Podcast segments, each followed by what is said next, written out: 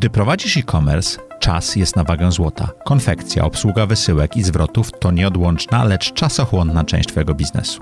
Emerson Polska nie tylko wyręczy Cię w tych zadaniach, ale dzięki kompleksowej usłudze Fulfillment zrewolucjonizuje proces pakowania i dystrybucji w Twojej firmie. Nigdy więcej nie martw się o opakowania, wypełnienia, etykiety, magazynowanie czy dystrybucję. Rozwijaj swój biznes z Emerson Polska. Cześć! Przed Wami rozmowa z Krzysztofem Łądką, człowiekiem z Lublina. Kiedyś jego ambicją było bycie prezydentem tego miasta. W tej chwili jego ambicją jest bycie tym człowiekiem, który zbuduje most między Polską a Ukrainą. Bardzo ciekawa rozmowa z człowiekiem radia, człowiekiem polityki, świeżym zupełnie biznesmenem, który znalazł swoje miejsce na tym świecie Krzysztof jeździł na Ukrainę e, w czasach swojej pracy politycznej i administracyjnej. Zdobył dużo wiedzy i doświadczeń, nauczył się języka, a w tej chwili buduje mosty dla firm, firm ukraińskich, które chcą działać w Unii Europejskiej w Polsce i firm polskich, które myślą o biznesie tam. I to budowanie mostów jest, e, myślę, motywem przewodnim tej rozmowy. Zaprojektuj swoje życie. Zapraszam Was do mojej autorskiej audycji Zaprojektuj swoje życie. Przedstawiam osoby, które podjęły nietuzinkowe wyzwania życiowe i biznesowe. Rozmawiamy o tym, co nas napędza i dokąd zmierzamy. Historie opowiadane przez moich gości zainspirują Was do świadomego i odważnego projektowania swojego życia. Witajcie w kolejnym odcinku audycji Zaprojektuj swoje życie. Jak co tydzień, w czwartek o czwarty zapraszamy dla Was interesujących gości, zadajemy im trudne pytania, próbujemy dowiedzieć się, co ich napędza i na jakich zakrętach życiowych wyszli, a z jakich wylecieli.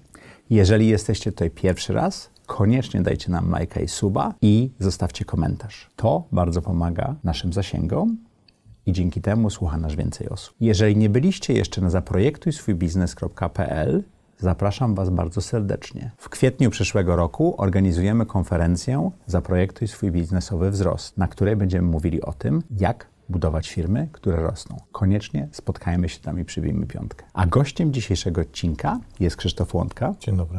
Biznesowy Most. Poznaliśmy się na pewnej konferencji, na której e, miałeś prezentację, która mnie zafascynowała. I Twoja historia, muszę powiedzieć, że mnie zafascynowała, bo jesteś człowiekiem, który buduje mosty. Pewnie tak. Może dlatego, że też w pewnym momencie sobie uzmysłowiłem, że jak ktoś z natury jest liderem, to to jest taka, e, taka unikalna rola, w której trzeba też łączyć ludzi, trochę im przewodzić, trochę wytyczać szlaki, trochę brać na siebie odpowiedzialność. Tych liderów według badań jest 1% na 100 pewnie i ty, ty nim mhm. jesteś i ja nim jestem. Z tego się biorą pewne, pewne aktywności, które później są w naszym życiu takie ważne i dominujące. A twoje przywództwo jest trochę nietypowe, bo w tej chwili budujesz mosty między Ukrainą a Polską, między biznesami tu i biznesami tam i tak dalej, ale też y, działałeś w administracji miejskiej, zakładałeś radio, masz bardzo rozbudowaną historię, więc y, klasyczne pytanie w tej audycji. Jak wyglądało do tej pory projektowanie twojego życia? No pewnie zawsze zaczyna się od tego, że ktoś sobie coś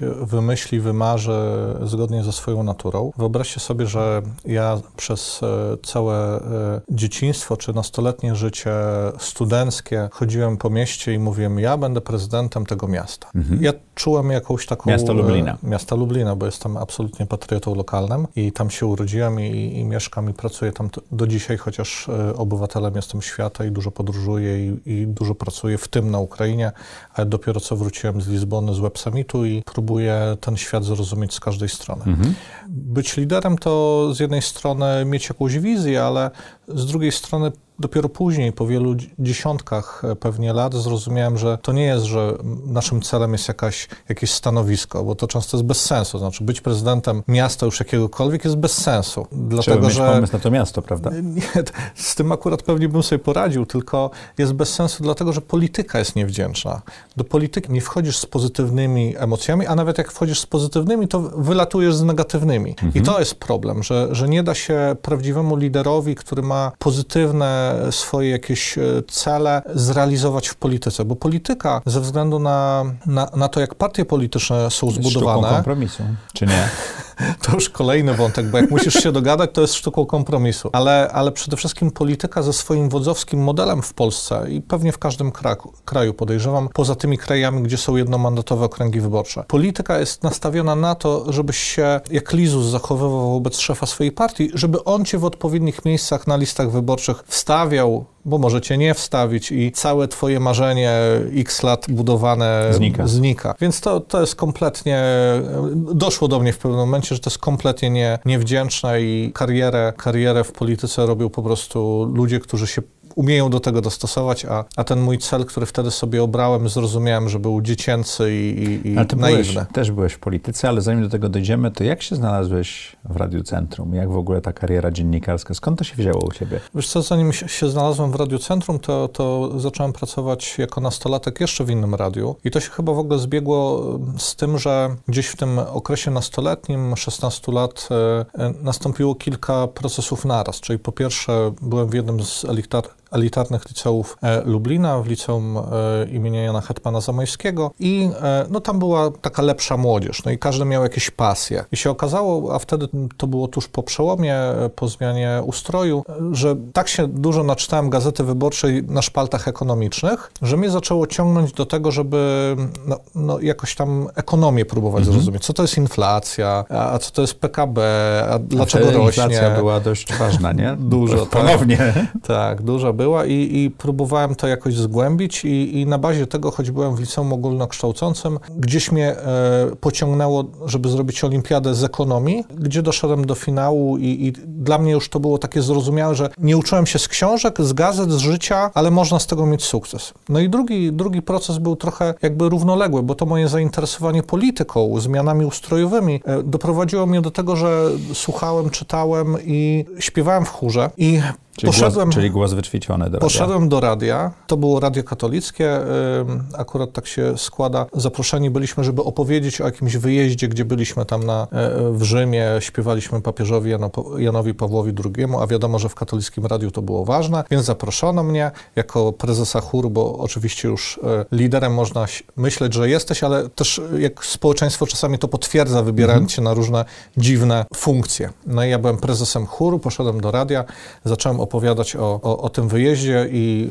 y, gdzieś tam po audycji wychodzi taka pani i mówi słuchaj, ty masz taki całkiem radiowy głos, może byś przyszedł do nas na przesłuchania, bo akurat będą za tydzień. No i tak przyszedłem i tak zostałem reporterem i tak z mikrofonem zacząłem biegać i zadawać pytania, co się dzieje w Lublinie prezydentowi miasta, radnym i tak dalej i zacząłem się kształtować też tak politycznie, publicystycznie, ale to, to była też były przygoda czasy- z radiem. A to były czasy, że nastoletni chłopak mógł wejść do prezydenta miasta i, i został wpuszczony, prawda? Dalej jest. Dalej Dalej jest? tak, że, że często tymi dziennikarzami, szczególnie w małych ośrodkach, mogą być spokojnie młodzi ludzie, Mhm. bo, bo tak naprawdę dziennikarstwo to dziennikarstwa nie uczysz się na studiach, tylko Mhm. dziennikarstwa się uczysz właśnie w praktyce, zresztą pewnie każdego zawodu. Uczysz się w praktyce i no, w radiu jest ważny głos, dykcja, więc e, tu chór, tu, tu te jakieś e, przymioty naturalne mi pomogły i z rozpędu stałem się radiowcem. Potem gdzieś e, ze względu na maturę zawiesiłem to na chwilę i, i, i wróciłem jak bumerang już w Radiocentrum. A potem, kiedy chciano zlikwidować Radiocentrum, a ja już się bawiłem w media internetowe, budowałem portal w tym samym czasie, kiedy Facebook powstał, my wymyśliliśmy studentlublin.pl. E, taki portal właśnie dla studentów. No uwierz mi, że to była dokładnie wizja Facebooka. Też mieliśmy zdjęcia, też mieliśmy system ocen, wszystko było tak samo. Tylko potem, po wielu latach zrozumiałem, że co nas różniło, że my nie staliśmy się Facebookiem. Nikt w Polsce nie uczył, jak z tego zrobić biznes. Ja studiowałem ekonomię, nikt mi nie, nie był w stanie To tego była nauka opowiedzieć. teoretyczna. No jasno, że tak. No, zresztą agrobiznesu nas uczyli wtedy. E, nie wiadomo po co. I dużo przedmiotów matematycznych, które wykonuje zazwyczaj arkusz kalkulacyjny. Więc e, chcę opowiedzieć do końca tą historię, bo zajmowałem się już internetem, budowałem e, strony internetowe, portale, tysiące wyświetleń, fajnie, początek internetu w Polsce i nagle rektor ogłasza, że likwiduje radio, bo za dużo kosztuje, tam około pół miliona. I wtedy... tak, i wtedy koledzy, którzy byli szefami samorządu, bo ogromne protesty były, Radiocentrum to taki, e, w, w każdym mieście akademickim jest takie radio akademickie, które jest dosyć ważne dla lokalnej społeczności. I przyszli do mnie i mówią, Krzysztof, ty, ty byłeś chociaż tam radiowcem, jesteś jednym z nas, liderów samorządu studenckiego, napisz jakiś program naprawczy, bo musimy z tego wybrnąć, to tak a propos kompromisów. Musimy gdzieś między rektorem, samorządem studenckim znaleźć kompromis i dać pretekst do tego kompromisu. No i ten mój program naprawczy był takim pretekstem. A potem rektor, który mnie znał z samorządu, popatrzył na mnie i mówi, no jak już to wymyśliłeś, to, to teraz to zrób. To teraz to zrób bo innych kandydatów nie mamy. No i wiesz, to tak opow- Czyli e, opowiedziałem... teoretyczne stało się ta, bardzo praktycznym, tak? Opowiedziałem ci teraz e, mniej więcej 10 lat życia, e, tego, które mnie kształtowało właśnie jako dziennikarza, osoby, która, e, która odpowiada za przekaz medialny. Ja wtedy zrobiłem taką akademicką grupę medialną, czyli połączyłem właśnie te zasoby internetowe, mieliśmy miesięcznik studencki, mieliśmy radio, zrobiliśmy z tego taki komplementarny przekaz, który, mhm.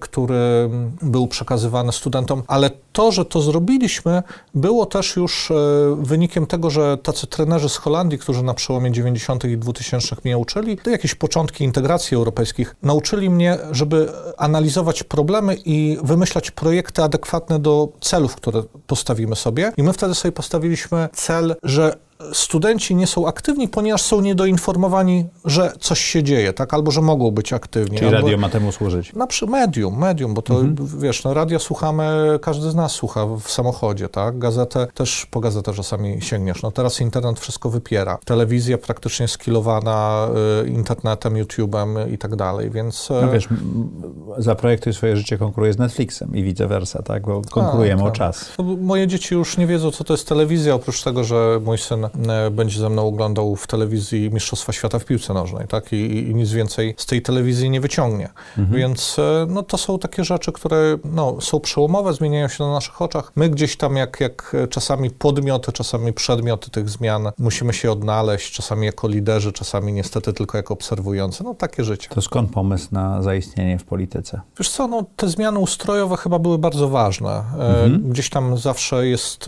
są jakieś momenty, w których można zaistnieć ja, ja nie miałem szansy, nie wiem, być w fali solidarnościowej. W 89, jak były pierwsze wolne wybory, miałem e, 11 lat, tak, byłem ciągle za młody, więc, więc jak e, zaczęła się ta transformacja gospodarcza, te lata 90., e, integracja europejska, której nikt nie rozumiał, jak ona będzie wyglądała, to e, i, i ten czas studiów, młodości, które no, człowiek tak bardzo aktywnie wykorzystuje, no to, to był ten moment, w którym ciągnęło mnie do polityki, mhm. czytałem dużo o tej polityce, czasy AWS-u rozwalającego się, takiego wstydu troszkę, troszkę za, za, za poziom polityczny, który zresztą do dzisiaj ciągle jest aktualny ten wstyd.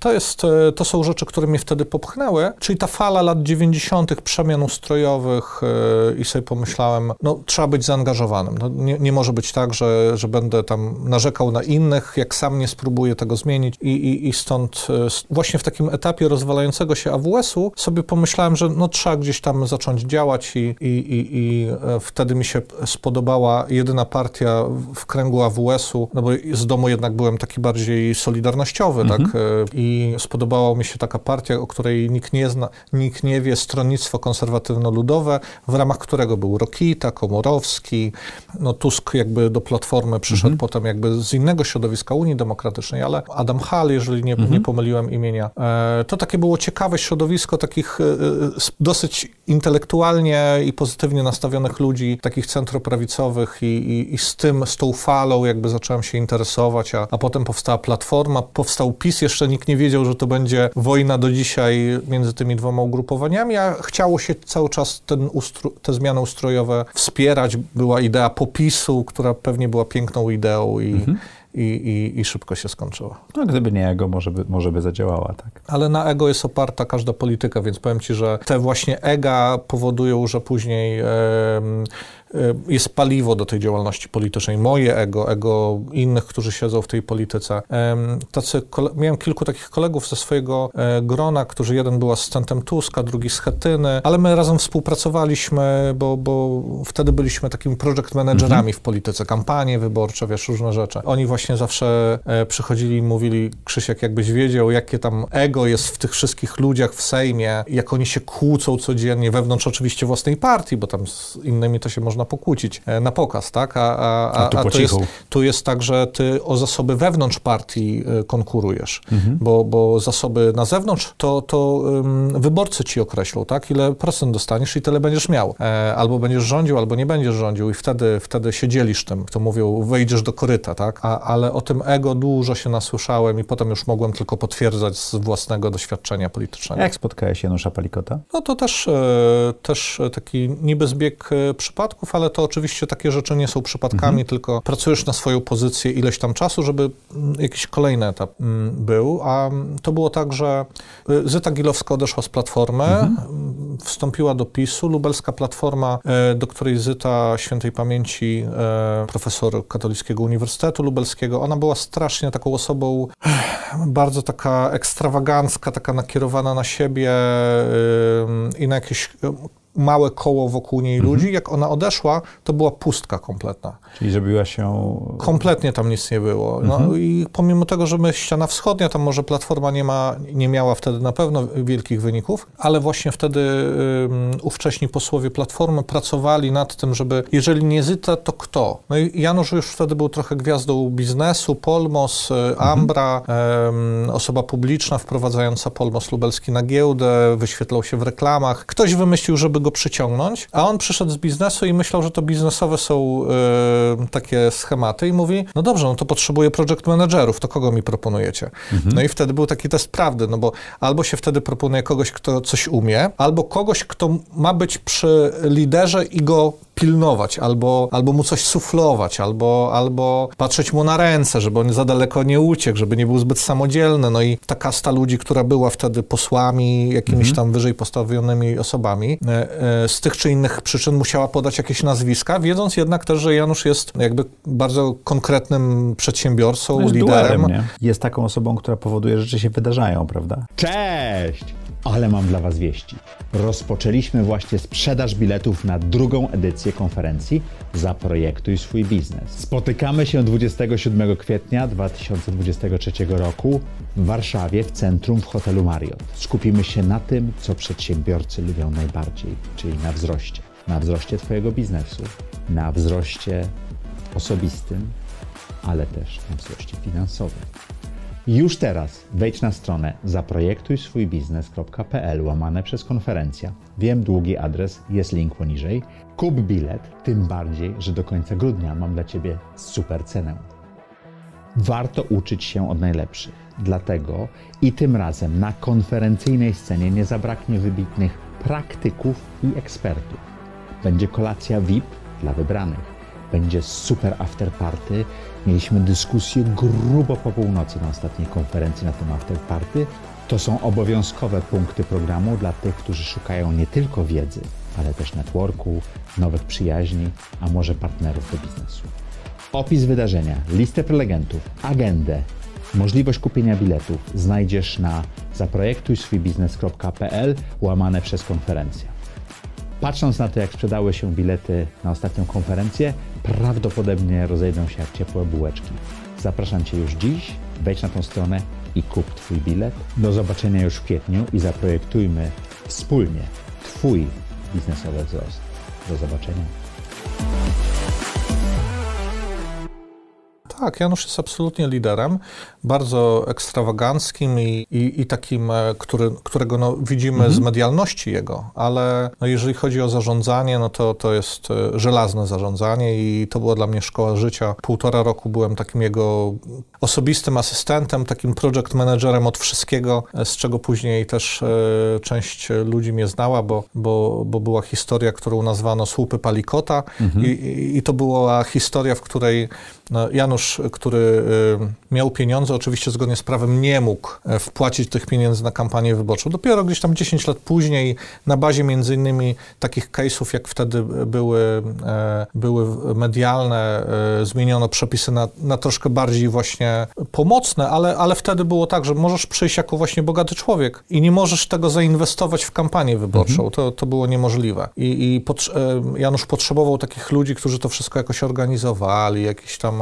ludzi, którzy byli odpowiedzialni za, za stawianie celów marketingowych, za to, że sprawy wyborcze, polityczne szły do przodu. Czego nauczyła Cię ta praca? No Janusz mnie dużo nauczył. Janusz mnie nauczył zarządzania strategicznego, e, po bardzo dogłębnej analizie. Miałem kiedyś taką sytuację, że powiedział, żebym go umówił z naszym największym wrogiem, e, żebyśmy zebrali jeszcze kolejne opinie do podjęcia decyzji strategicznej, mhm. którą była chyba, mm, kto będzie kandydatem na prezydenta miasta. I ja mówię, Janusz, ale to jest przecież nasz, nasz wróg e, wewnętrzny, tak? Wiemy, że on przeciwko nas, nam gra, że tam, nie wiem, donosi do prokuratury anonimowo na różne rzeczy i tak dalej, i tak dalej. Mówię, dlaczego chcesz się z nim spotkać? A on mówi, ponieważ jak masz podjąć strategiczną decyzję, to musisz mieć wszelkie możliwe informacje, a jak porozmawiasz z wrogiem i wiesz, że to jest wróg, i wiesz, że on będzie chciał ci źle doradzić, ale on nie jest tak mądry jak my. Więc po pierwsze, zrozumiemy, jaki jest jego punkt widzenia, wroga, weźmiemy to pod uwagę, a po drugie przez to, że on jest ni niżej intelektualnie od nas, to może też tak być, że on nam coś dopowie, co może być taką rodzynką, dla której my jeszcze będziemy mieć wyżej jakościowo tą decyzję. Czyli warto rozmawiać z wszystkimi. Tak, tak i myślę, że, że to jest takie i chrześcijańskie, i ludzkie, mhm. i, dążące do kompromisów. Myślę, że warto rozmawiać ze wszystkimi, ale do pewnego momentu, w którym przekonamy się, czy coś da się dalej z tego wyciągnąć, bo nie musimy się z nimi przyjaźnić, tak, ale możemy dostać jakąś właśnie ważną informację, której użyjemy. Więc e, na pewno się nauczyłem, że zarządzanie strategii, nie tyle nauczyłem się, bo ja to e, w naturze swojej rozumiałem, ale e, że, że to jest najważniejsze. On powtarzał często, że Krzysiek, to, to była jakby też część te, tego pewnie jego monologu, że na decyzję strategiczną odłóż maksymalnie dużo czasu, ile się da. Tak, żebyś nie miał wątpliwości, jaką decyzję masz podjąć. Ale jak już ją podejmiesz, to przestajesz zarządzać strategicznie, przechodzisz w zarządzanie operacyjne, a tam jest tylko walenie młotkiem i, e, i dążenie do celu. Więc e, na pewno z jego, no to co widzimy w tej chwili, co on robi z browarem Tęczynek, z, z reklamą alkoholu, z,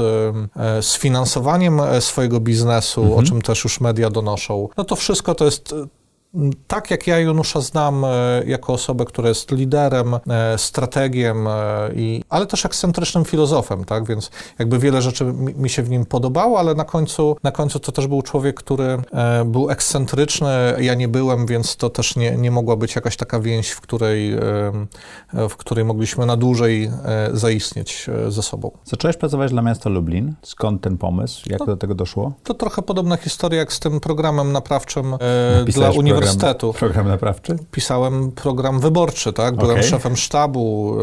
Y, wygrał kandydat na prezydenta, który zaczynał od najniższego poparcia, a został prezydentem. Potrzebował ludzi do pomocy. Wiadomo było, że to jest trochę zmiana pokoleniowa. Mm, ja wokół siebie miałem dużo ludzi z samorządu studenckiego, którzy byli przygotowani tak operacyjnie do tego, żeby brać odpowiedzialność. Kończyli studia. No i trochę, trochę to tak się zbiegło, tak? No, będąc prawą ręką wtedy, 2006 rok, rok Janusza Palikota, szefa Platformy w regionie, no, musiałem gdzieś zacząć e, tą operacyjną, policy, mhm. polityczną działalność. I, i, I w ten sposób właśnie, ponieważ przegrałem o 200 głosów wybory do Sejmiku Wojewódzkiego, no to gdzieś e, się okazało, że jest w ratuszu emerytowany sekretarz miasta, a to taka posada właśnie odpowiedzialna za organizację procesów. E, no i ktoś mi to podpowiedział, że Krzysiek, to jak nie będziesz radnym wojewódzkim, no to może właśnie idź z prezydentem i bądź jego prawą ręką pomagaj mu organizacyjnie i, i się e, dalej tam e, rozwijaj. No i rozwijaj miasto. No i, i, i, to był ten e, główny powód, dla którego wszedłem na, tą, na to stanowisko i, i, zostałem 13 lat później, na 13 lat urzędnikiem, co oczywiście w połowie już tego okresu przypominało trochę więzienie i wiele lat mi zajmowało zrozumienie, że, że właśnie to jednak nie jest moje, że ta polityka już nie jest Zmieniła taka się. jakby, nie to, że się zmieniła, bo myślę, że od czasów e, Juliusza Cezara polityka nie była, e, albo, albo jakichś innych e, poprzedników nie była zbyt kulturalna. To raczej jest tak, że tu wracamy właśnie do tych pryncypiów czy priorytetów czy na pewno chcesz być w środowisku, które neg negatywnie motywuje. Mhm. Czyli motywuj, siedź cicho, nie wychylaj się, nie miej swojego zdania, bo jak będziesz miał swoje zdanie, to wiele jest ryzyk, bo szefowi tak, się nie spodoba, wyborcom, wyborcom się nie spodoba, e, wychylisz się na atak, po prostu to jest negatywna motywacja, to się w ogóle nie da nic zrobić ale z pozytywnych rzeczy. Czego nauczyłeś ze 13 lat w administracji? Ja tak mówię 13 lat w urzędzie, 20 lat w polityce, bo, bo zaczynałem od tych młodzieżowych mhm. działań, e, bycia wolontariuszem w kampaniach wyborczych. To dwie rzeczy, bo one się gdzieś przenikają. Polityka mnie nauczyła tego, że te procesy również gospodarcze przenikają się z politycznymi, co widzimy, tak? mhm. tak? Jak nadrukujesz pieniędzy, to, to będzie inflacja, tak? To jakby ja to już rozumiem jako ekonomista i rozumiem jako osoba, która była w polityce. Jak na przykład obecny prezydent miasta e, z mojej, e, z mojej partii politycznej e, zadłużył tak miasto, że, że jest jednym albo najbardziej, albo chyba wiceliderem w zadłużeniu miast w Polsce na jednego mieszkańca, to musisz się liczyć z tym, że jak odsetki urosną, a kiedyś musiały urosnąć, to, to nie będziesz miał na budowę dróg czy na wypłatę wynagrodzeń. Więc, więc nauczyło mnie to, bo, bo alternatywą jest Wenezuela, tak? mhm. tak? alternatywą jest e, hiperinflacja i taka odpowiedzialność za to, że, że polityk e, wpływa jednak w ten czy w inny sposób na procesy ekonomiczne, społeczne. E, ta odpowiedzialność, powiązanie tego właśnie z tym, co ludzie realnie chcą, a co się im daje, to jest jakby jedna sprawa, a urząd, urząd mnie nauczył porządku w papierach, że mhm. musi być umowa, że ta umowa musi być dobrze napisana, żeby właśnie kryła różne rzeczy, przewidywała, bo, bo dopóki wszystko jest dobrze, to jest dobrze, a jak będzie źle, to, to trzeba iść do sądu. A umowy się pisze na, na to, kiedy jest źle, a nie na to, kiedy jest dobrze. Dokładnie, więc, więc e, oczywiście dla mnie ta biurokracja jest w tej chwili taka prosta, w sensie, że rozumiem, że ona musi być, formularze, tak, trzeba pilnować różne rzeczy, ale to powiem Ci z dzisiaj, e, no tak sobie przypomniałem, dzisiaj e, dzwoniła do mnie dyrektorka jednej z firm medycznych, e, która poprosiła, jedną z firm, które współzakładałem i współprowadzę, która dostarcza na rynek polski pracowników medycznych z Europy mhm. Wschodniej. I mówi, dwa tygodnie temu prosiłam pana o kandydatów do pracy, no i umowę, tak? A ja mówię, wie pani, no po prostu, no tyle mamy pracy, jesteśmy startupem, że no nie wyrabiamy się, przepraszam. Ja wiem, że jak klient dzwoni się do pracy, to jest źle, no na pewno to zrobię maksymalnie do końca tygodnia. A ona mówi, ja bardzo, bardzo mi zależy, bo słyszałam właśnie od kogoś, że właśnie te sprawy formalno-prawne to wy robicie bardzo dobrze. A mi zależy, żeby jak już będzie ten lekarz czy pielęgniarka, to żeby tu się nic nie, z, mhm. Za tymi e, uznaniem kwalifikacji w Polsce nic nie ciągnęło, żadnych ryzyk. I wiesz,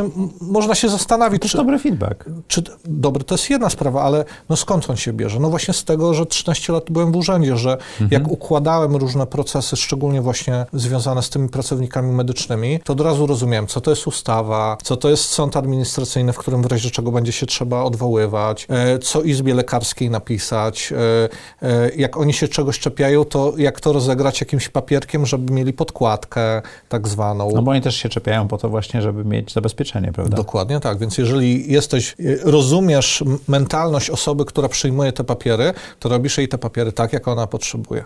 W audycji często mówimy o zakrętach życiowych i co się stało. Skąd pomysł na to, żeby przejść do biznesu? Z polityki, z administracji, z prawie bycia prezydentem, jak sam powiedziałeś, że twoją ambicją w wieku nastoletnim było bycie prezydentem e, Lublina. Tak. Skąd pomysł na własny biznes? To był taki dziwny proces, który był w tle. Czyli po pierwsze, jak kończyliśmy samorząd studencki, równolegle będąc w kole naukowym ekonomistów, e, przyjęliśmy, werbalizowaliśmy to, że my mamy być liderami, tak? Kończymy tą ekonomię, mhm. mamy być liderami i albo ktoś idzie do biznesu, mieć własną firmę, albo, no na przykład, no, nie wiedzieliśmy, że pójdziemy tak do polityki, ale że to też jest jakaś tam opcja, że ekonomista, e, lider e, może się realizować w, w tym kształtowaniu systemu ekonomicznego czy lokalnego. I e, wtedy założyłem swoją e, drugą już firmę, bo pierwszą miałem na działalności gospodarczej, spółkę cywilną, e, zresztą z kolegą, który, z którym jechałem na olimpiadę ekonomiczną i tam się poznaliśmy. Ale drugą spółkę właśnie z kolegami z Koła Naukowego Ekonomistów, to była w sumie pierwsza taka agencja interaktywna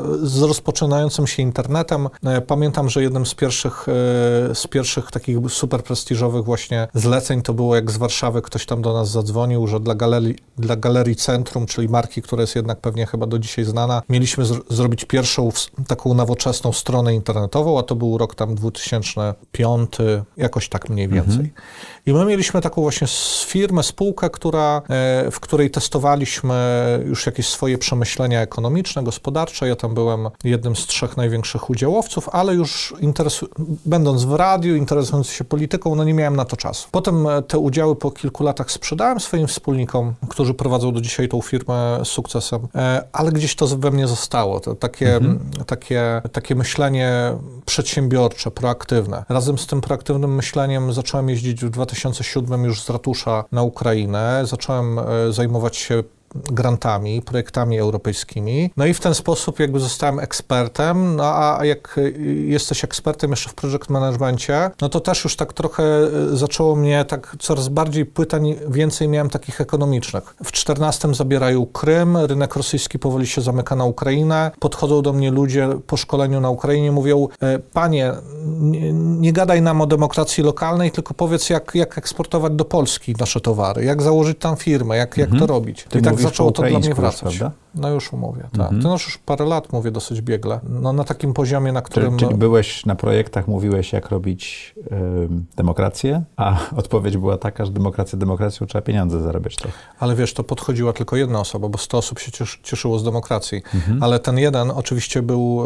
Y, przedsiębiorcą. To, to, jest ważne i to jest ważne. On był przedsiębiorcą i on mówił, ale żeby na tą demokrację były podatki, no to muszę gdzieś sprzedawać swoje zboże, tak? Swoją mhm. kukurydzę, swój olej słonecznikowy, więc, więc tak zacząłem e, najpierw tak ekspercko, a tu może sieciowanie, a tu przyjedź, za darmo na początku. Potem sobie myślę, cholera, no tu ja tracę czas, moi współpracownicy tracą czas, tu trzeba przyjąć, tu trzeba e, na kolację, tu trzeba coś załatwić, tak? No, no trzeba jakieś stawki ustalić, mhm. tak? Jakieś pierwsze, ciągle takie eksperckie. tej eksperckości, e, ta eksperckość zaczęła mi się budować. Nagle ktoś jeszcze z boku usłyszał o tym, że, że już działam ekspercko i, i w ramach zarządzania projektami i zaprosili mnie do takiej dużej polsko-ukraińskiej firmy, żebym był mentorem z project managementu. No i wszedłem do tej, e, do tej firmy wielkiej, 2,5 tysiąca pracowników z dużymi zakładami produkcyjnymi e, na Ukrainie i w ten czas jeszcze na Białorusi. I nie zapomnę, jak jeden ze wspólników, polski wspólnik wtedy właśnie do mnie powiedział, e, Krzysztof, ja wiem, dlaczego cię tu zaprosiłem, to jest bardzo ważny, ten project management, ale najważniejsza jest sprzedaż. Weź ty mi tak ten project management zrób, żebym ja sprzedawał więcej, tak, bo to jest kluczem. Ja tego kompletnie nie rozumiałem. Ale gdzie gdzieś właśnie te, te słowa, wiesz, gdzieś to się kumulowało, kumulowało i w pewnym momencie jak e, dosyć przykro mnie potraktowano w lubelskim ratuszu, w sensie, że mhm. e, no taka, to była taka e, typowa polityczna zagrywka, czyli 27 grudnia e, żebym się nie zdążył przygotować, powiedziano mi, że mój 30-osobowy wydział, który miał blisko 10 milionów budżetu i kilkanaście projektów, znika. znika. I mówią, od 1 stycznia. Tak, od 1 stycznia. I mówię, ale masz szczęście. Prezydent y, pomyślał o tobie, że jednak możesz z nami zostać i możesz zostać zastępcą dyrektora do spraw strategii miasta Lublina. Mhm. Sobie tak myślę i myślę sobie, kurczę, ale ja mam szczęście, że jeszcze dostanę w dupę, jeszcze zostanę bardziej poskromiony, żeby tak wszyscy widzieli, że już mam nie być samodzielny, nie mam robić swoich rzeczy, podzielą się łupami, a ja będę mógł pić kawę z wizytówką zastępca dyrektora. No i tak pomyślałem, że to już jest koniec. To znaczy, jakby zawsze byłem e, raczej znany w polityce, że miałem swoje zdanie, które mówiłem, czy to był Janusz Palikot, czy prezydent miasta, ktokolwiek. I, i za to pewnie część mnie lubiła, większa część mogła mnie nie lubić. No i tak sobie mądrzy pomyślałem, że. Mądrzy będą to szanowali, prawda? E, to był taki moment, w którym pomyślałem, to chyba ten moment. Tak z parę godzin się zastanawiałem, bo wiesz, trudno się, masz parę tysięcy e, złotych dyrektorskie stanowisko w takim mieście jak Lublin, jesteś poważną osobą. Ryzykujesz teoretycznie wszystko, ale, ale zrozumiałem, że w takich, e, w takich warunkach, które mi zaproponowano, to nie jest wszystko, tylko to jest takie e, zniżenie mnie, żebym e, złamał sobie kręgosłup i, i dostosował się do systemu, czego jako lider nie mogłem sobie, nie mogłem sobie na to pozwolić. I kończąc już tę przydługą historię, zrobiłem to, uwaga, na trzy miesiące przed COVID-em, więc wydawało mi się ta eksperckość, którą miałem tu w jednej firmie, tam w drugiej firmie, stawki tysiąc, półtora tysiąca za dzień pracy, super, fajnie. To zarobię e, spokojnie. Zarobię tak? spokojnie, tu mi wychodzi tak dyszka, dam radę. COVID, najpierw jedna firma cię zwalnia, potem druga. Rynek szkoleniowy umiera, rynek ekspercki umiera, ja zostaję sam e, i to były to były te miesiące, w których ja zrozumiałem, wracając do tych e, myśli tego e, mojego znajomego szefa firmy, sprzedaż jest najważniejsza. I, i zacząłem brać telefon, robić e, zimne telefony i, i dopytywać kogoś, kto, firm, które na przykład otrzymywały jakieś granty na umiędzynarodowienie, na internacjonalizację, czy przypadkiem nie potrzebują czegoś na Ukrainie, co, z czego już byłem mniej więcej znane. I to zadziałało?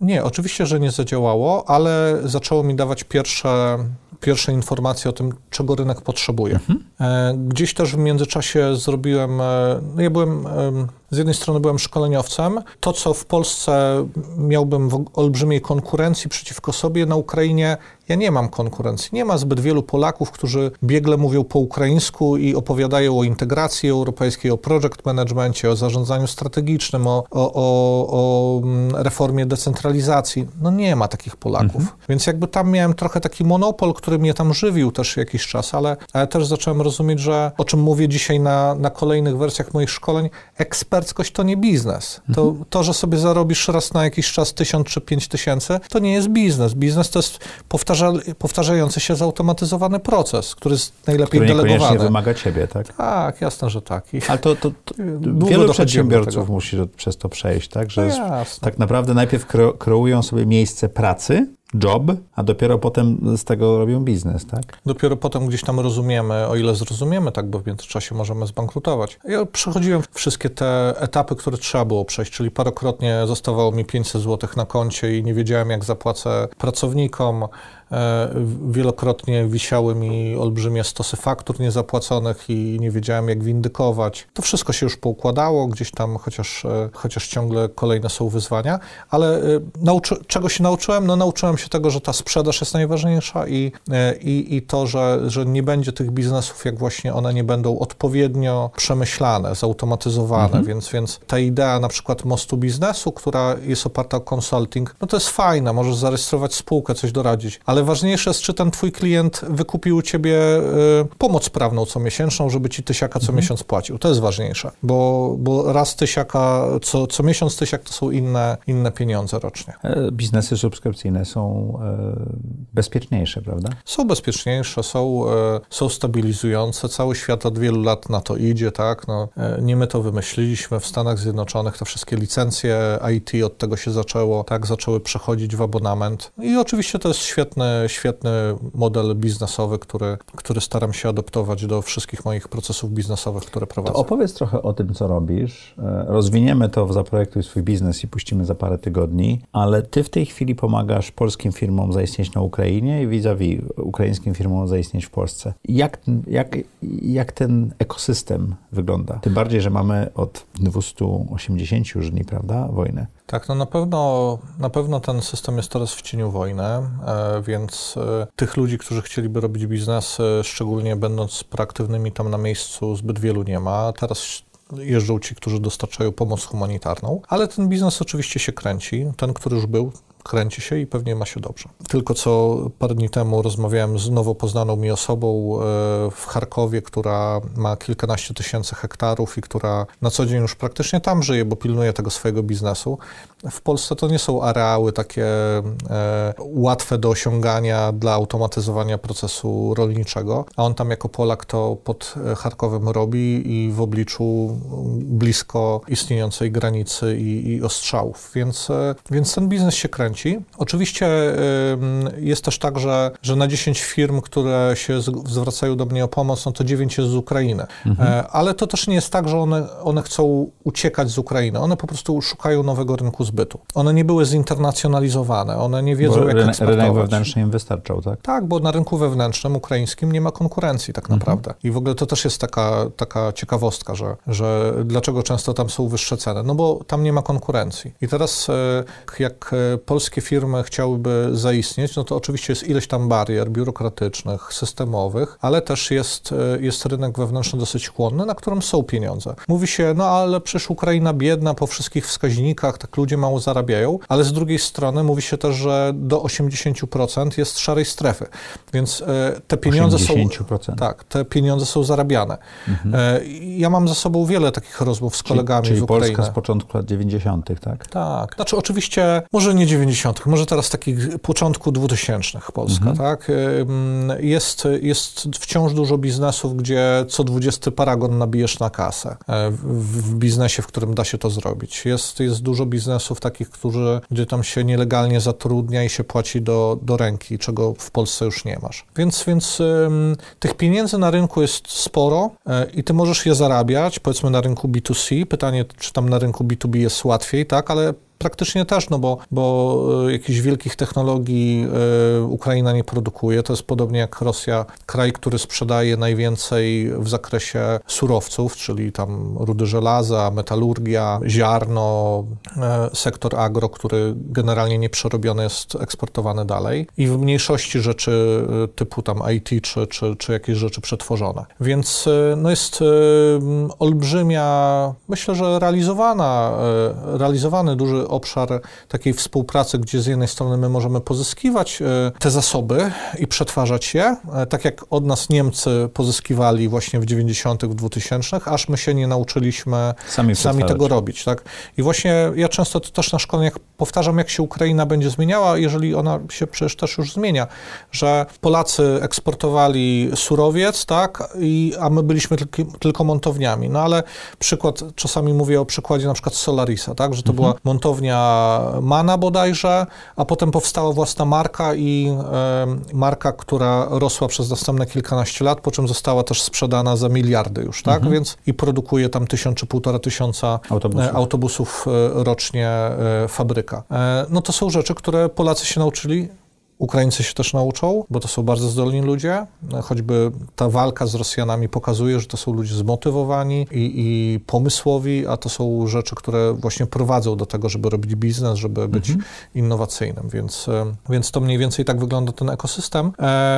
Wracając e, do sedna Twojego pytania, no my, my głównie mm, na początku pomagaliśmy głównie formalno-prawnie, aż nie zrozumiałem, że to jest ślepa uliczka, bo to, że możesz komuś zarejestrować spółkę, to po pierwsze ciągle nie jest biznes, a po drugie to jest często strata czasu. Jeżeli źle przygotujesz proces biznesowy lub w praktyce zarejestrujesz firmę, a nie, nie, e, nie, odpalisz, nie odpalisz procesu biznesowego. Więc mój mózg taki metodologiczny rozpisał sobie w pewnym momencie te puzzle i zrozumiałem, najpierw jest etap analizy strategicznej, rynkowej i prototypowania procesu biznesowego, tak jak w startupach. Potem dopiero zarejestruj biznes po drugiej stronie granicy i na końcu masz jeszcze 20 puzli, które będą ci potrzebne. Tutaj prawnik, tutaj księgowy, tutaj marketing, tutaj pracownik, tutaj coś tam. I, i w takich trzech etapach, w zależności od tego, na jakim etapie jest klient. Szybko robimy taki mikroaudyt właśnie na, na jakim etapie jest klient w tej swojej internacjonalizacji działalności, bo Ukrainiec na przykład może powiedzieć, no pięć lat temu założyłem firmę, bo tam myśleliśmy, że będzie wielka wojna po Krymie, no nie była, no ale teraz to ja bym chciał ją reaktywować, tak? A tak, pięć lat nie,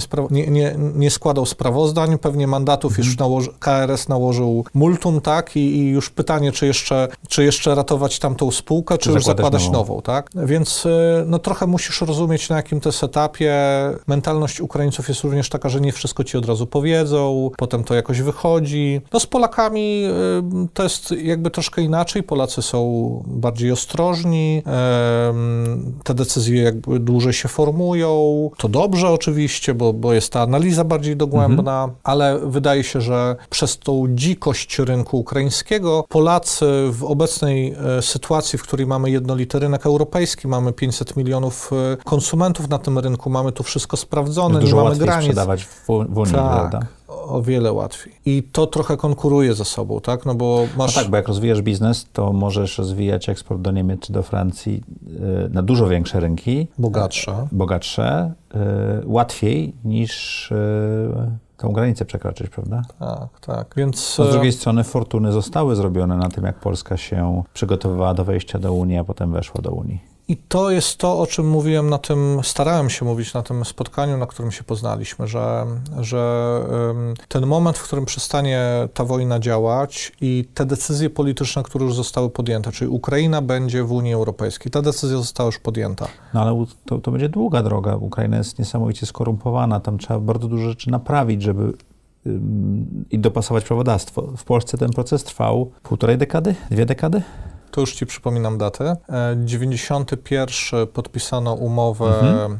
E, o wolnym handlu. 94 e, podpisano umowę dopiero polityczną, bo tak się bano. No najpierw dla biznesu, tak, żeby ceł nie było, a potem, a potem dopiero polityczna, która dawała jakieś tam preferencje Polakom, chociażby w poruszaniu się. 97 początek negocjacji, 2003 koniec negocjacji i 2004 wstąpienie do Unii. Gdyby tak popatrzeć, ile to od... 13 lat. Od, no tak, ale masz 13 lat od tej pierwszej, pierwszej umowy mhm. E, o wolnym handlu. Tak? Od politycznej to jest 10 lat, od początku negocjacji 6. tak. I to już nie jest tak dużo, tak? Oni, Okej. oni e, dostali status kandydata. Czyli, są na tym 91 roku. Nie, na 97, bo, Okej. no bo oni już mają, że e, oni już mają status kandydata. Czyli mówimy, że najprawdopodobniej abstrahuję od wojny w tej chwili, bo to, to jest na tyle nieznane i, i nie wiemy, jak to się zakończy. Ale zakładając, że jeżeli wojna się zakończy, to do końca tej dekady Ukraina może być już w Unii Europejskiej. Rząd określił taki horyzont, że, że Mhm. tam do 29 roku oni chcieliby być w Unii Europejskiej. Wydaje mi się to i realne, i optymistyczne oczywiście, ale, ale realne. Bo biorąc pod uwagę, co się działo z Polską, która, tak jak ty mówisz, y, była skorumpowana, przecież nie, nie mniej, tak, to był czas y, afer Rywina i tak dalej. To jeszcze ja przed aferą Rowina przyjechałem do Polski w 97 czy 8 roku, to stu wydawało się policjantowi i się jechało dalej. To, nie, to było normalne, ja się dziwiłem, tak? Wiesz co, dzisiaj te same stówy dają Ukraińcy, bo policjanci wiedzą, że od Polaka już nie można brać, ale od Ukraińca wciąż można, bo Aha. A, on daje, a B się nie poskarży, bo nie zna polskiego. Okej. Więc wiesz, to jakby, mm, to nam się tak wydaje, że już nie ma korupcji w Polsce, ale moi koledzy ale- z Ukrainy ale- mi opowiadają często takie historie. Jasne, że tak. Okej. Więc no, korupcja ma, ma to do siebie, że, że, że daje czystą nieopodatkowany, Mhm. czysty nieopodatkowany dochód, więc e, to po prostu jest korzystne dla tego, co bierze. Ale wracając do tego procesu, tak powinniśmy jako Polacy przyjąć decyzję strategiczną, jako państwo, jako biznes, jako społeczeństwo, czy mamy coś do ugrania. Bo jeżeli my będziemy uważali, że nie,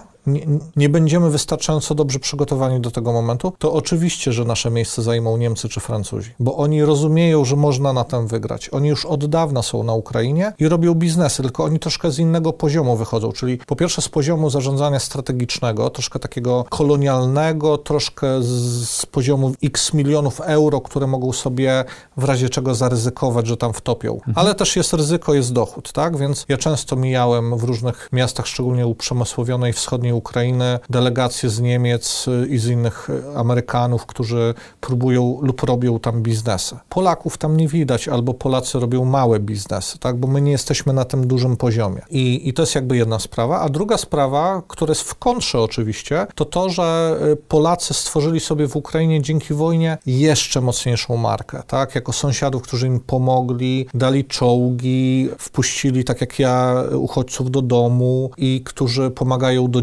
dzisiaj, nawet jeżeli wzrasta jakoś tam niechęć i, i zmęczenie. Niemcy tego nie za bardzo robią, Francuzi tym bardziej nie robią. I, i, i to jest tak, że albo, y, albo wykorzystamy ten moment dobrej marki i, i po, On nie będzie trwał wiecznie. no nie będzie, no bo, bo w pewnym momencie, jak się skończy wojna, a im trzeba będzie zarabiać, no to oni No, biznes jest albo biznes, z Polsk- Polakami będziemy zarabiali, albo z Niemcami. I wrócą te dylematy, czy od Niemca nie zarobię więcej, czy Niemiec więcej nie zaryzykuje, a Polak będzie tak patrzył się na mnie krzywo, bo Wołyń był w 40 roku. Więc wiesz, to jest, e, to są takie nasze e, słabości polskie, które my musimy, to jest dla nas ostatnia szansa, żebyśmy stali się wielkim krajem. I nie dlatego, że mamy skolonizować Ukrainę, tak? Bo mówię to jako przyjaciel Ukrainy. partnerstwo. Dlatego, że musimy poprzez to partnerstwo wykorzystać olbrzymią szansę geopolityczną, którą nam e, Ale historia daje. polska ma szansę na olbrzymi wzrost, jeżeli to partnerstwo zadziała, prawda? Już masz olbrzymie plusy, tak, migracyjne, czyli do wojny było półtora miliona ludzi, teraz jest kolejne półtora miliona ludzi. Ja w ramach projektu y, y, takiego Którzy społecznego... tutaj. No, wiesz, te- drugie półtora miliona to są często kobiety z dziećmi, ale też już coraz więcej osób pracuje. W tej chwili y, wzrost był między sierpniem a wrześniem chyba o 50 tysięcy cudzoziemców zarejestrowanych w ZUS. To masz 50 tysięcy razy kilkaset złotych czy tysiąc. wszyscy dostali PESEL, więc y, podjęcie pracy i tak dalej jest, łatwiej, jest po prostu łatwiejsze niż, niż było przedtem. Też, oczywiście, jakby dla biurokracji ten PESEL może rzeczywiście jest jakimś e, też e, elementem, e, elementem ułatwiającym, no ale, ale paradoksalnie najważniejsze jest, że, że to już jest bardzo pozytywne dla naszego społeczeństwa. To będzie kwestia dzietności, to będzie kwestia zapełnienia szkół, to będzie kwestia tego, że połowa zostanie, kobiety zostaną. Nasze kobiety wyjechały do, do Niemiec, do, do Wielkiej Brytanii. Te kobiety kobiety przyjechały do nas, one tu zostaną, e, one będą tutaj zakładać rodzinę, one będą tu rodzić dzieci. To są olbrzymie takie rzeczy, o których dzisiaj gdzieś tam się intuicyjnie mówi, ale, ale to będą szanse takie społeczne. Bo, bo demografia jest bardzo długą tak, to jest na dziesiątki na, nauką lat. Na, na dekady, prawda? Ale, ale chcę Ci opowiedzieć o tym projekcie, który realizuję teraz w Lublinie. W ramach tych swoich liderskich przemyśleń gdzieś w wakacje pomyślałem, cholera, no jak oni mają tu zostać, mają chodzić do tych naszych szkół, pewnie są też mądrzy ludzie, którzy mhm. przyjechali, może zrobię im takie warsztaty, jak założyć własną firmę w Polsce, w jaki sposób się zaktywizować, na co zwrócić uwagę. Mam swoją metodologię, może akurat się to komuś przyda. Robiłem teraz w tą sobotę trzecią edycję, co tydzień robię w tej chwili te szkolenia. To jest jednodniowe szkolenie. Wiesz, takie moduły, każdy moduł jest o czymś okay. innym, trzy moduły z rzędu robiłem. Wyobraź sobie, że na za każdym razem przychodziło 45-50 osób. Na Lublin to jest bardzo dużo. To pokazuje, że jest bardzo duże zapotrzebowanie. Ludzie otworzyli się, przychodzą, już konsultują z nami te biznesy, już pytają, już je rejestrują. W tej chwili właśnie z jakichś takich rzeczy związanych z PR-em, z tymi szkoleniami zarejestrowałem w ciągu tych, e, no, mój zespół zarejestrował w ciągu tych dwóch tygodni chyba ze trzy firmy. Dwie działalności gospodarcze, jedną spółkę, tak? Kolejne, które gdzieś tam się dopytują różne rzeczy, w najbliższą sobotę mamy moduł marketingowy. Na pewno będzie jeszcze parę firm, które się na tym, e, na tym stworzy. I oczywiście nie każda firma odniesie sukces, ale to jest też szansa, żeby oni nie tylko e, wisieli na społeczeństwie polskim w formie, nie wiem, zasiłków 500+, tylko też, żeby, żeby dawali sobie pracę i innym pracę, najczęściej swoim kolegom, koleżankom będą dawać pracę, to nam zdejmie trochę też odpowiedzialności, bo oni będą się trzymać razem. To są olbrzymie szanse społeczno-ekonomiczne, gospodarcze, o których teraz no, nie debatuje się, bo nawet nie ma po co debatować, ale, ale takie projekty szkoleniowo-aktywizacyjne na pewno będą i nawet samo życie, tak? Nawet właśnie to, że ci ludzie są proaktywni, będzie tworzyło wiele szans rozwojowych. Powiedziałeś, że 9 e, na 10 firm, które konsultujecie e, transgranicznie, to są firmy z Ukrainy, które tutaj chcą przejść, założyć biznes. Jakie to są branże? Jakie to są firmy? Chyba każda taka, mhm. każda taka branża, która jest e, jakoś tam w miarę zrozumiała też na, na poziom, na którym ja jestem konsultingu, czyli ja przecież ja nie konsultuję wielkich korporacji, ja konsultuję mały i średni biznes, tak? Czyli albo to jest ktoś, kto coś produkuje, tak? Jakaś manufakturka, tu, tu robią kostkę z granitu, tu robią tam meble, tu robią tam jakieś, e, jakieś tam, e, nie wiem, coś tam, Produkcja. Tak?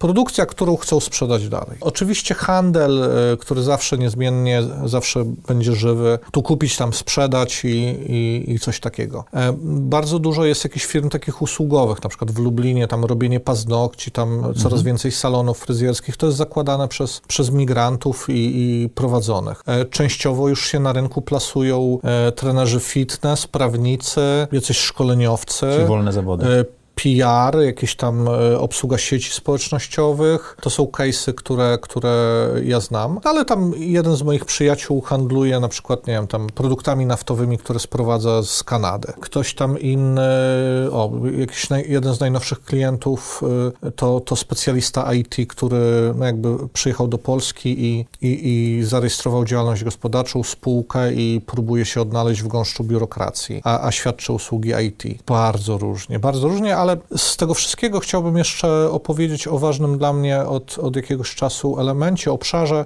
czyli startupy. Mhm. Startupy, które korzystają z programu wsparcia Poland Price, w ramach których jest 100 milionów złotych, e, które się powoli właśnie kończą, do końca roku będą rozdane. I tym startupom, które już z takich bardzo technologicznych branż, czyli tam medyczne, jakieś takie inżynieryjne, IT oczywiście, e, gamingowe, e, to tym startupom pomagaliśmy napisać na przykład wnioski grantowe, potem na, na, pomagaliśmy rejestrować spółki, dawaliśmy i dajemy wsparcie. Dzisiaj mamy na przykład case, że jeden z takich medycznych startupów, ponieważ ja też mam współzałożony przez siebie medyczny startup, który inną ścieżką był rozwijany, na przykład będziemy dla nich świadczyć usługę e, takiego call center e, właśnie w zakresie medycznych usług, bo mhm. dla nich to będzie tańsze podłączyć się do naszego call centru, który i tak już pracuje, e, niż niż tworzyć jakiś swój. Więc no, mnóstwo, mnóstwo różnych tematów. Praktycznie za każdym razem musimy po poznawać specyfikę. Jeszcze inna historia,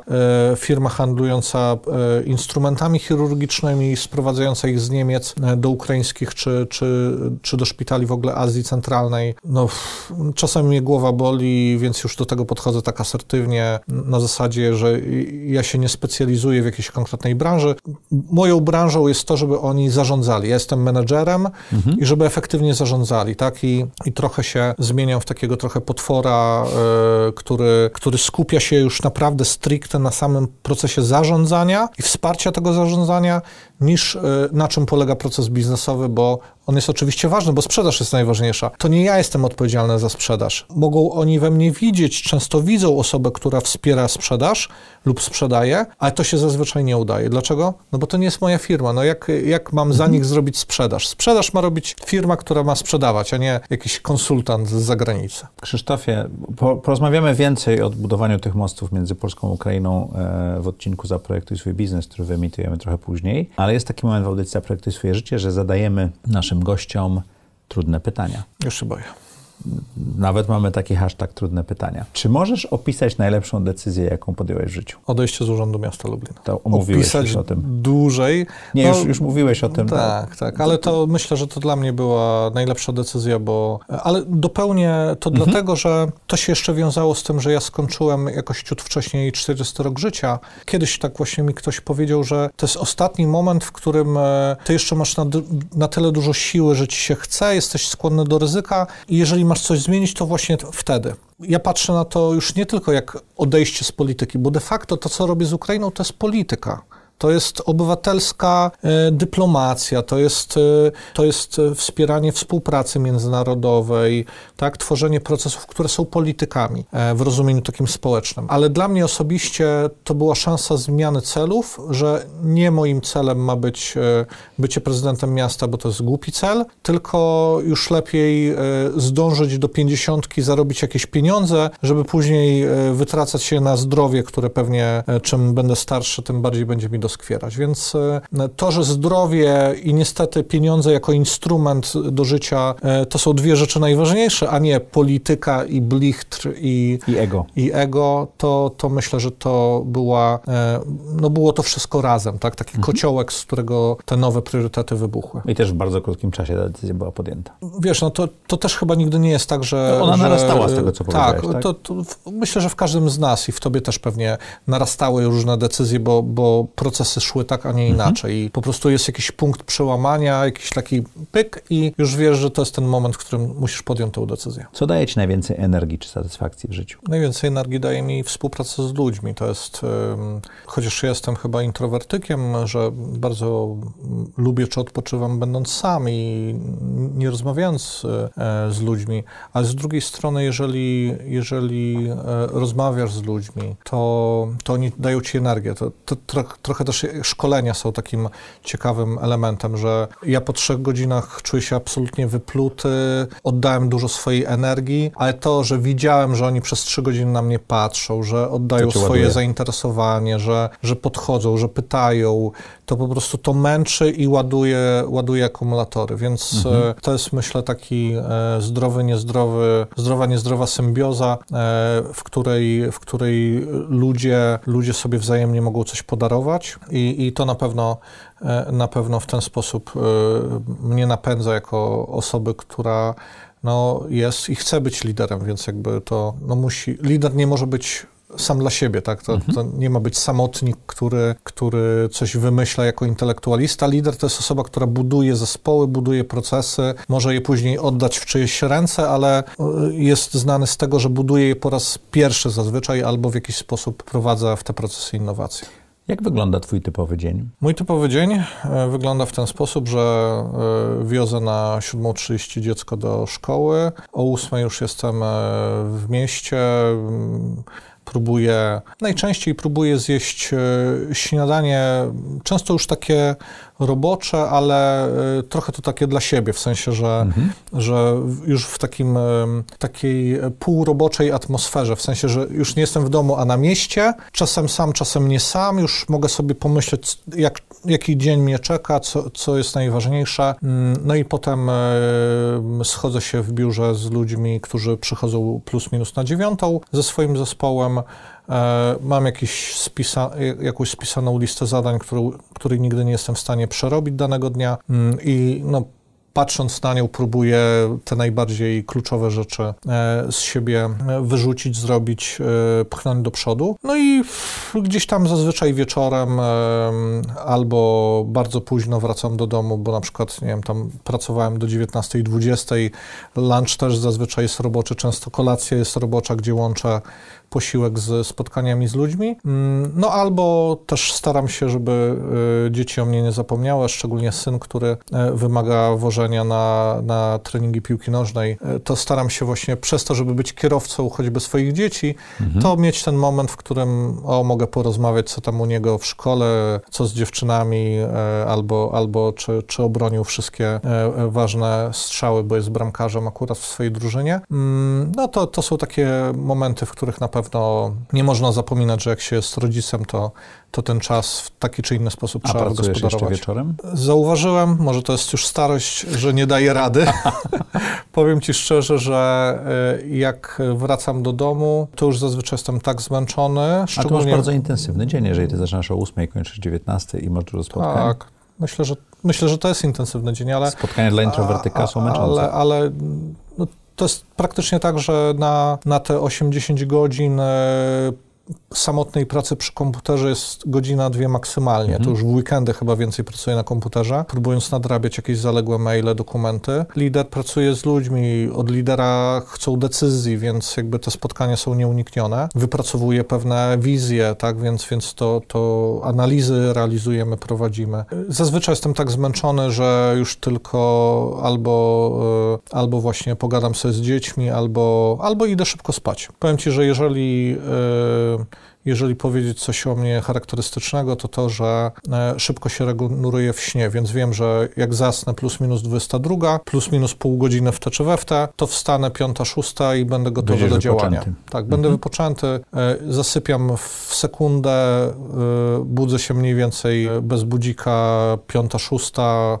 i, i wtedy znowu zbieram myśli, jestem gotowy do walki. Pewnie nie jest najzdrowsze, ale na tym etapie życia, które mam, gdzie się dorabiam dopiero, tworzę swoje firmy, to na pewno jest to nieuniknione. E, czy mógłbyś przestać coś teraz robić, co by poprawiło twoje samopoczucie lub spowodowało twój rozwój? To jest trochę podchwytliwe pytanie, oczywiście, bo oczywiście... To jest chyba najtrudniejsze pytanie, które bo, mamy. Bo oczywiście nauka zarządzania mówi, że to tylko nam się wydaje, że my nie możemy coś zdjąć, więc mhm. oczywiście w pierwszej chwili chciałem powiedzieć, że wszystko jest y, niezbędne, no bo przecież jeżeli to robię, to jest niezbędne, ale oczywiście no, jestem wystarczająco dobrze przygotowany merytorycznie, żeby rozumieć, że to jest y, tylko we mnie, że to jest niezbędne. Jest, y, świat zna mnóstwo przypadków tego, że ludzie, miliardy ludzi umrą w jednej sekundzie i świat jakoś idzie dalej, tak? Procesy jakoś są realizowane, tak?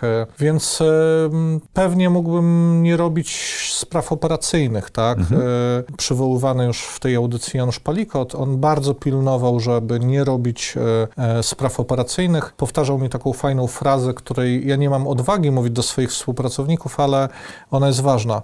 E, powiedział mi, Krzysztof, a, bo ja było, to taka ciekawa historia, kazał mi wezwać taksówkę pod jakiś hotel, w którym on przebywał w zupełnie innym mieście. I ja mówię, Janusz, no ale dlaczego y, ty mi każesz y, wzywać taksówkę, kiedy ty jesteś w innym mieście i pewnie możesz sam podnieść telefon na recepcję i mhm. zamówić tą taksówkę? A on mówi, po pierwsze, ty jesteś moim asystentem, więc mam jeden numer, dzwonię, jesteś jak infolinia, więc ty załatwiasz mi, to jest wygodne. Po drugie, twój czas jest tańszy. Ja jako szef, jako lider, ja mam się zajmować zarządzaniem strategicznym a ty operacyjnym. Mhm. I to były takie fajne lekcje dla mnie. Myślę, że jeżeli coś źle robię, to wciąż e, za dużo zarządzam operacyjnie. No ale... Czyli nie wyceniasz swoich godzin pracy jeszcze? Wiesz, to jest tak, że ja zaczynałem dwa lata temu jako zwalniający się urzędnik, jako ja. Teraz mhm. mam 10 osób i, i zespół, który po dwóch latach, który cały czas się buduje i mówi się w książkach mądrych, że ten pułap, w którym już nie jesteś w stanie zapanować operacyjnie, to jest jak masz już 20 osób. I pewnie już do tego dochodzę, to znaczy, że,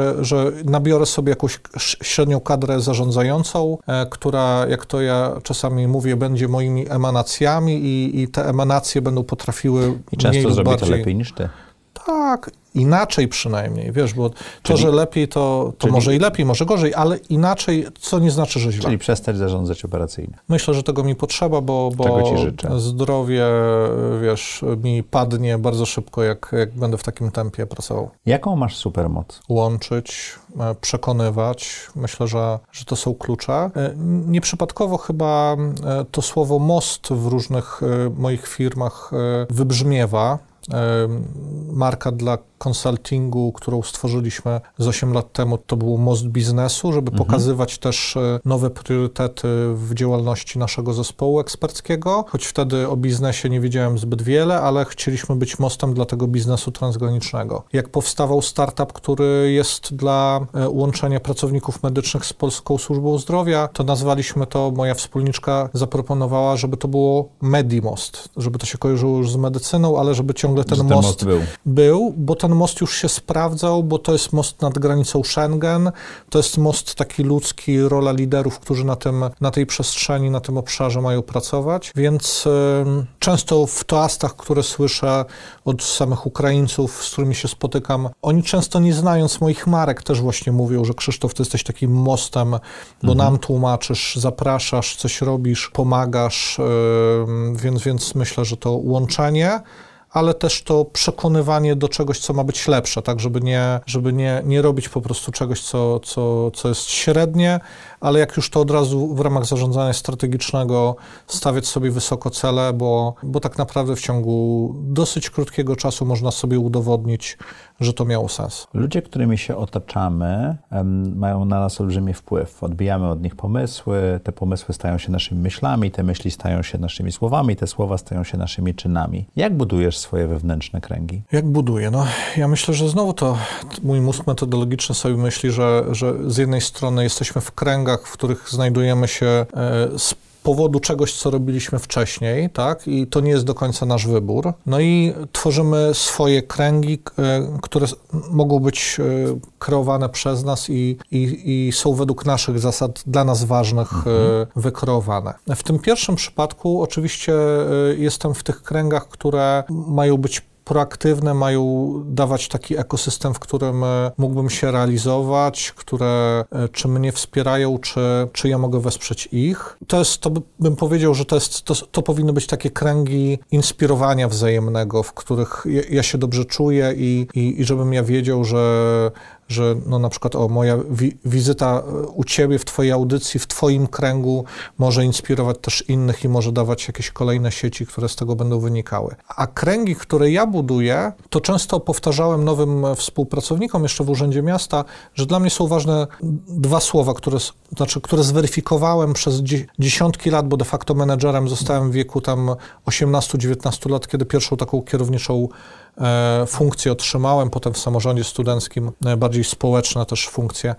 E, tylko dwa słowa pracowitość i lojalność. E, jeżeli ktoś nie jest pracowity i lojalny, to w moim kręgu się nie może znaleźć. Mhm. Albo szybko z niego wypadnie, bo e, wszystkiego innego możesz się nauczyć, ale jeżeli jesteś leniwy, jeżeli jesteś nielojalny wobec grupy, wobec mnie, to, to po prostu nie ma sensu. To nie, nie, nie możemy tworzyć tego kręgu, więc myślę, że, że twa, te dwa, dwa słowa e, jakby mogą być ilustracją tego twojego pytania. Od kilku lat prowadzisz własny biznes, to jest ciekawe pytanie teraz dla ciebie. Trzy rzeczy, które chciałbyś robić robić za trzy lata to? Chciałbym być e, jednym z najważniejszych ekspertów Unii Europejskiej w zakresie integracji europejskiej Ukrainy. To oczywiście jest powrót trochę do polityki, to troszkę jest powrót do bycia osobą publiczną potencjalnie. Ciągniecie. nie wiem, czy ciągnie, to jest po prostu, wiesz, natury nie oszukasz i, i, e, to, to, jest e, nie tyle ciągniesz, bo biznes jest o wiele ciekawszy. Dlaczego? Mhm. W urzędzie mogłem tam zarobić parę tysięcy i tyle,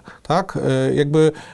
W biznesie nie ma limitu. W biznesie nie ma limitu. Jak, jak w, w tych ostatnich miesiącach, w których teraz je, jesteśmy, po, w poprzednim miesiącu, widzę, ile mi, mi faktur, wiesz, napączkowało i rozumiem, że to jest efekt rocznej pracy, tak? Ale mhm. to wreszcie ci napączkuje i, i hula dalej, tak? Daj Boże. To, to rozumiesz, że to jest adekwatne do włożonej pracy, nawet mhm. jeżeli jest z opóźnieniem. Polityka jest niewdzięczna, to znaczy mogę zostać, mogę zostać uznany za tego głównego eksperta i jak to mówił jeden z moich mentorów, e, Paweł Prokop, którego tutaj jeszcze nie wspominałem, e, prezes Fundacji Inicjatyw Menedżerskich, który mnie tak kształtował właśnie na takiego eksperta polsko-ukraińskiego. On powiedział, Krzysiek, e, polityka jest niewdzięczna. Ktoś, ty będziesz myślał o sobie, że jesteś najlepszy, ktoś inny przyjdzie jako nowy polityk, od którego zależysz, powiesz, że jesteś słaby.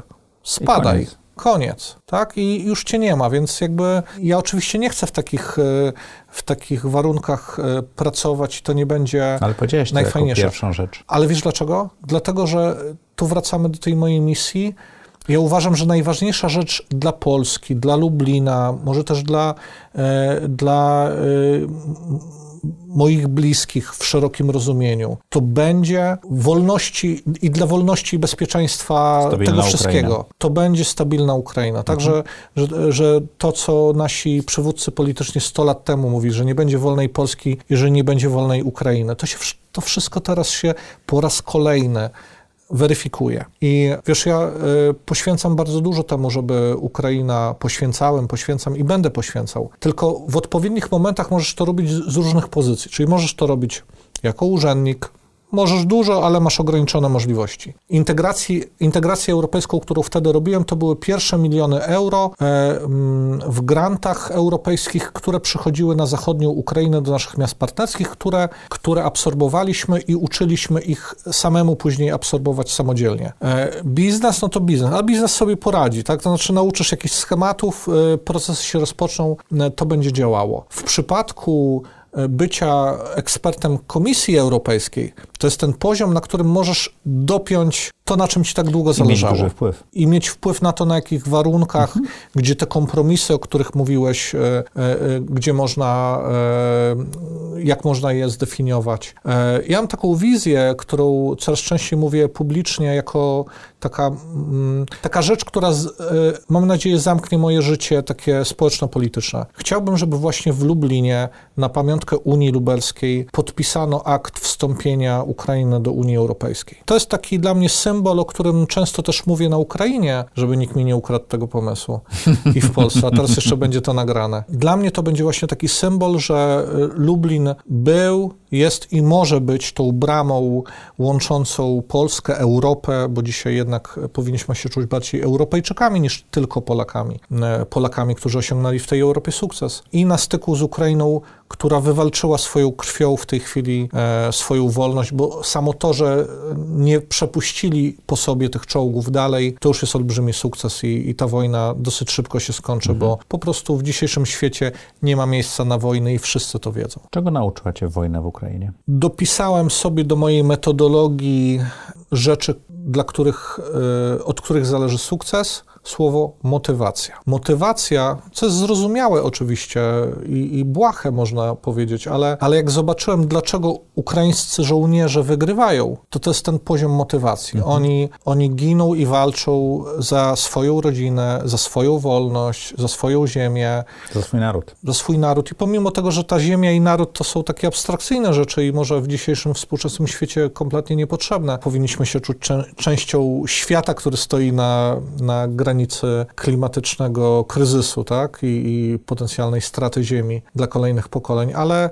ale jeżeli nawet tymi XIX-wiecznymi sformułowaniami tutaj żonglować, to tak, oni walczą za wiele rzeczy i oni są zmotywowani co do tego. A tamci albo walczą dla pieniędzy, albo ze względu na to, że lubią zabijać, albo dlatego że wyszli z więzienia, albo nie wiedzą, dlaczego walczą, tak? Mhm. Więc jakby to słowo motywacja daje olbrzymią różnicę. W jednej z książek czytałem, że e, zawsze ile, jak, dłu, jak długi e, stary jest świat, siły z demokracji wygrywały nad siłami z reżimów. Ale to trwało dłużej. Mogło trwać dłużej, ale zawsze mhm. tak się to kończyło, ponieważ w tej demokracji ta wolność, która się kreuje, w której ci ludzie wyrastają i potem chcą o nią walczyć, ona jest największą motywacją, więc to słowo motywacja myślę, że mi zapadnie na zawsze, e, na zawsze w pamięci po tej wojnie. No druga rzecz, e, druga rzecz e, jest taka, którą tu zacytuję, a ona padła przed rozpoczęciem wojny.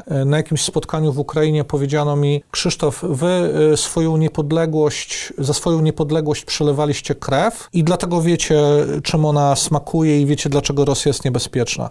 My dostaliśmy niepodległość tam w 91 roku bez jednego wystrzału i zobaczysz, ile krwi będzie trzeba jeszcze za nią przelać. I niedługo później, wojną. tak, niedługo później wybuchła ta wojna, jaka jest teraz, dziesiątki tysięcy, tak, e, oficjalnych oczywiście informacji nie mamy, są szacunki, ale to pewnie jest bliżej 100 tysięcy niż, mhm. niż y, tysiąca. To wszystko kosztuje, ale to też, y, to też y, zapamiętam, bo to jest, trzeba się cieszyć, że ta wojna nie jest w Polsce, a z drugiej strony trzeba jeszcze bardziej cenić to, co w naszym imię, imieniu de facto może krajów bałtyckich, które byłyby następne, bo tam są duże mniejszości rosyjskie, mogłoby dalej być areną dla jakichś ludzi chorych ambicjonalnie. Krzysztofie, podsumowując naszą długą rozmowę, co chciałbyś, żeby widzowie i słuchacze audycji Zaprojektuj swoje życie zapamiętali z tej rozmowy? Wiesz co, ja mam takie hasło, że warto robić więcej. Wymyśliłem je gdzieś właśnie jako mhm. lider z samorządu studenckiego, żeby zachęcić, zachęcić innych e, studentów do bycia proaktywnym, do działania w naszych organizacjach studenckich, do, do, do, do kreowania świata. E, chociaż oczywiście dzisiaj, mając 44 lata za chwilę, bo 18 grudnia skończę mm, e, te 44 lata, wiem, że to warto robić więcej. Często też się kończy tym, że kręgosłup cię boli, że, że, że, że zaczynasz mieć jakieś, e, odczuwać, e, odczuwać zaczynasz e, swoje zdrowie, że to też nie jest tak, że, mhm. że tylko robić więcej, a, a co dalej, tak? Zaczynasz, zaczynasz troszkę zmieniać priorytety również w tym kierunku, żeby, żeby jeszcze móc za 10 czy 20 lat samodzielnie chodzić i cieszyć się życiem. Więc y, pewnie jestem w takim wieku, że y, zapamiętajcie, że warto robić więcej, ale, ale też warto dbać o zdrowie, bo, bo ono nie jest ci dane na, na zawsze. Dziękuję Ci ślicznie. Dziękuję bardzo. Dziękuję Wam. Jak co tydzień, w czwartek o czwartej zapraszam do audycji Zaprojektuj swoje życie a w poniedziałki na nasze pasmo eksperckie.